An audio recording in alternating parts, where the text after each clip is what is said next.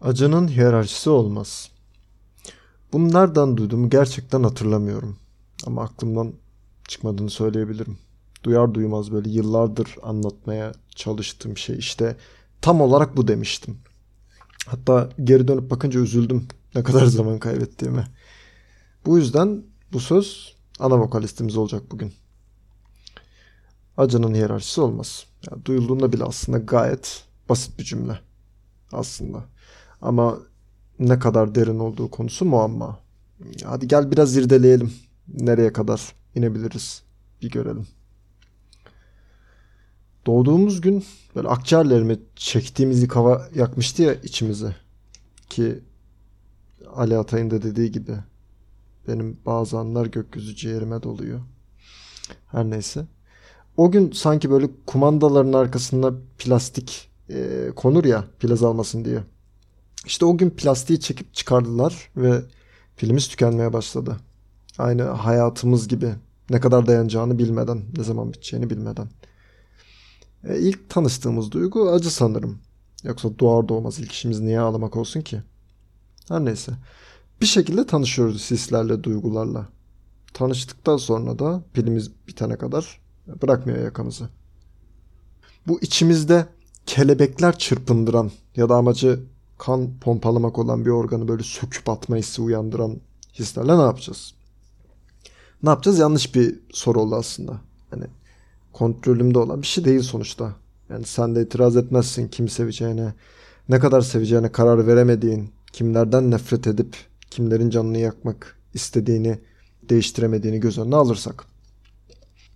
Tabi belirli bir yaşa kadar sorun olmuyor neyi nasıl yaşadığın. Bebeklikten, çocukluktan bahsediyorum. Belirli bir süre koruma kalkanın oluyor. E işte o süreçte gerçek anlamda özgür oluyorsun. Kimi sevmek istersen onu sevip, kimi sevmezsen ona oyuncak Lego fırlatabiliyorsun. Tabi bu koruma kalkanı ebeveynlerinin dışındaki insanlara etkili oluyor. Zaten sonradan öğreniyorsun o kalkanı sen dünyaya getiren insanların öldüğünü. E bu yine bambaşka bir konu. İşte tam bu süreç sona ermeden sorular gelmeye başlıyor sana. Beni ne kadar seviyorsun gibi masum olanlardan bahsediyorum. Sen de aklına gelecek en büyük terimleri yakalamaya çalışıyorsun o yaşta. Yani mesela ellerini açabildiğin kadar açıp bu kadar diyorsun. Yani çünkü maksimum o kadar açabiliyorsun ya elini. Aslında maksimum demeye çalışıyorsun güzel bir şekilde. Ya da birden fazla o ekliyorsun. Çok diyorsun. Yani çok seviyorum. Filmlerde de aslında aynı duyguyu gözlemliyoruz. Yani ben ne kadar seviyorsun sorusunu 3000 kez seviyorum diyen bir kız çocuğuyla. Orada başlıyor aslında böyle belirli bir birim olmadan duygularını anlatmaya çalışman. E büyüdükçe de durum çok değişmiyor inan ki. E karşı cinsten hoşlanmaya başlıyorsun. E işte belki görüşmeye, belki ikili bir ilişki kurmaya başlıyorsun. Yine aynı soruya geliyor. Aynı soru geliyor gözünün önüne. Beni ne kadar seviyorsun? Şimdi o zaman da aynı şeyi yapıyorsun. Aklına gelen en büyük objelerden örnek vermeye çalışıyorsun. İşte dağlar kadar, ne bileyim çok yüksek ya işte denizler kadar, böyle uçsuz bucaksız gibi, dünyalar kadar gezegenler aslında ama konu o değil. E tabi büyüdükçe, koruma kalkanın azaldıkça hissi daha rahatsızlık verici şeylerle tanışıyorsun. Yani daha çok aşırı neşir oluyorsun hatta. Bunların ortak paydadaki ismi acı galiba. Ayrılık, yalnızlık, anlaşılmama, dışlanma, e, kendini bir yere ait hissetmeme, kişisel sorunlar, ailevi sıkıntılar, varoluşsal sancılar. Hepsi aslında insanda benzer ama farklı bir his oluşturuyor. Acı. Bu hislerin de aslında kendi arasında çok ilginç bir dinamiği var. Mesela sevmediğin birini sevmiş gibi yapıyorsun çoğu zaman. Yani çünkü insan iletişiminin iyi ve güzel şeyleri söyleme üzerine olduğunu çözüyorsun biraz. Ama birinden nefret etmediğin halde nefret ediyormuş gibi yapmıyorsun hiç. Aslında durup düşünecek olursak nefret sevgiden daha dürüst bir duygu oluyor bu denklem sonucunda. İşte az önce yaptığım gibi böyle denklemle, kıyasla, ne bileyim yoğunluklarıyla sürekli bir yere koyma çabası içine giriyoruz hislerimizi. Hatta bazı insanlar o kadar yoğun yaşıyor ki duygularını tanımlama konusunda ciddi adımlar atıyor. Bazen hayatını buna adıyor. Bazısı piyano notası şeklinde, bazısı bağlama teliyle aktarmaya çalışıyor. Ha, bazısı kağıt üzerine yazıyor. Ya bunların sonucunda da ilginç eserler kalıyor geride. Yani kendi denklemimizi anlamlandırmak için rehber kabul ediyoruz çoğu zaman.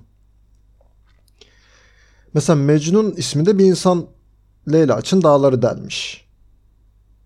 Neşet isminde farklı bir insan başka bir Leyla için türkü yakmış. Hala hazırda yanan benliğini dışa vurup. Şimdi ismen ortak bir Leyla'mız var. Ve onu iki tane çok seven insan oldu elimizde. Hiç düşündün mü? Acaba Neşet mi daha fazla seviyordu Leyla'sını? Yoksa Mecnun mu kendi Leyla'sını daha fazla sevdi? Bunu düşünmedin benim gibi üzerine kafa yormadın. Çünkü böyle bir şey kıyaslayamayız. Kimin kime ne kadar sevdiğinin bir ölçütü yok. Olmadı da, e, olmamalı da. Öteki türlü matematikte bir farkı kalmazdı bu işlerin. Bu üstü kapalılık aslında bu bilinmezlik işleri ilginç kılıyor. Hayatımızın her alanında, her döneminde kıyaslanıyoruz. Her zaman bir komşu çocuğu oluyor mesela. Her zaman sınavda senden yüksek almış biri oluyor. E çünkü belirli bir ölçek var. Hani cevapsız bir soruyla bitireceğim bu kısmı. Başarılı olmak, başarmak bir duygu değil mi? Ya evet bir ölçek var. Mesela sınav mesela yüzlerinden yapılıyor ama sence 40 alan bir öğrenci başarılıyken 80 alan bir öğrenci başarısız olamaz mı? Ya da kafası matematiği iyi çalışan bir öğrenci, çok güzel gitar çalan, çok güzel resim yapan bir öğrenciden daha mı başarılı?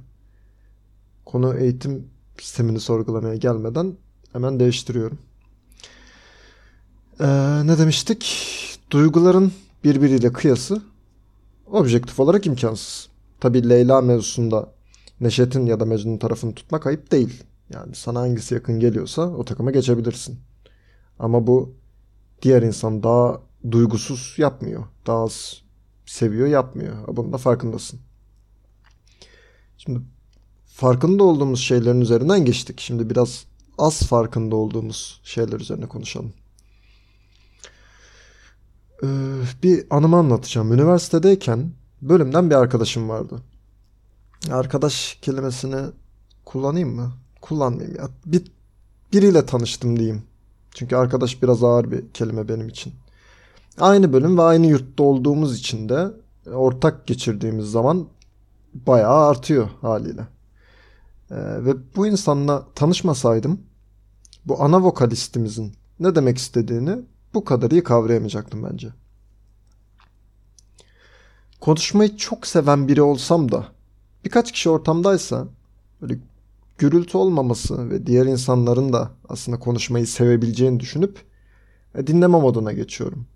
Ve bu moddayken e, tanıdığım bu insanın, tanıştığım insanın diğer insanlarla konuşmasını inceleme fırsatım oldu. Ne zaman bir konu hakkında biri böyle içini dökmeye kalksa ben de sonradan nefret uyandıracak o. O da bir şey mi cümlesiyle giriş yapıyordu bu insan. Ya mesela biri ben bir dersen kalacağım galiba dediğinde o da bir şey mi? Ben işte 3 tane dersinden kalabilirim. Çünkü şöyle önemli bir proje yapıyorum. Böyle zamanım yok. Şöyle kendimi geliştiriyorum. Formülünde cümlelerle yapıyordu açılış konuşmasını. Yani formülde vereyim. Karşındakinin sözünü kes. Artı. O da bir şey mi? Artı. Karşındakine sen bunları yaşayınca şikayet ediyorsun ama bak ben şunları şunları yaşıyorum ve etmiyorum de küçümse. Ya eşittir Egon böyle kulak memesi kıvamına gelinceye kadar kendini öv. Tabi bu insanın diğer insanları ezerek yükselmeye çalışan karaktersiz biri olduğunu düşündüm. Sonra içten içe merak ettim nedenini. Yani takdir edilmemek sanırım bir travma oluşturmuş. En küçük kardeşti. Belki en küçük kardeş olması da etkiliydi. Biraz şımartılarak büyümüştü. Belki e, hep kendi istekleri ihtiyaçlarına odaklanmıştı ailesi. Belki de hiç odaklan, odaklanmamışlardı. Ailesindeki en geri planda kalmış kişiydi. Yeterince ilgi görmedi. Ee, belki mutlu bir aile içinde, mutlu bir aile tablosu deriz ya içinde böyle güzel bir koruma kalkanı verilmişti ona. Hayatın acımasız olduğunu bilmiyordu. Dış tehlikelerden korunarak geldi belki de bu yaşına. Sonradan fark etti. Kendini iyi bir sosyal konuma koymak için çabaladı. Bu uğurda bocaladı ve çocukken yaptığı şeyleri yaptı düşünmeden. Açıkçası sebebini bilmiyorum. İşinizi umurumda olduğunu söylemem de yalan olur. Ben aynı ortamda bulunmaya mecbur kaldığım süre içinde minimum iletişim kurdum. Ve bu süre içinde bile kendime hakim olamadım. Böyle başka insanlara yaşadıklarının bir şey olmadığını ima ettiğinde. Sonradan neyse ki yollarımız ayrıldı. Yıllar sonra ortak bir arkadaşımdan haberini aldım ve hala aynı davranış şeklinde sahip olduğunu öğrendim. Şimdi konumuza gelecek olursak. El yumruğunu yemeyen yumruğunu balyoz sanar misali. İnsan en büyük derdin kendi omuzlarında olduğuna inanıyor. Belki en ağır yükü taşıyabilirse yeterli hissedeceğindendir. Belki de taşıdığı yükün diğerlerine göre hafif olduğunu bilmek üzeceği için. Ya sebebi ne olursa olsun hiç kimsenin, hiç kimseden duygu anlamında bir üstünlüğü yok. Yani her gün çiçek alan sevgili almayan sevgiliye göre daha fazla sevmiyor. Ya da duygularını dışa dönük yaşayan insanlar daha duygusal olmuyor içe kapanık insanlara göre. Bunun bir formülü, bir kıyası, bir denklemi yok. Tabi belirli kabul görmüş çok büyük acılar var. Ya, bütün konuştuklarım bu meclisten dışarı. Ama ben belki de işte 3 sene sonra artık acıtmayacak. Ne bileyim 5 sene sonra aklına gelmeyecek şeylerden bahsediyorum.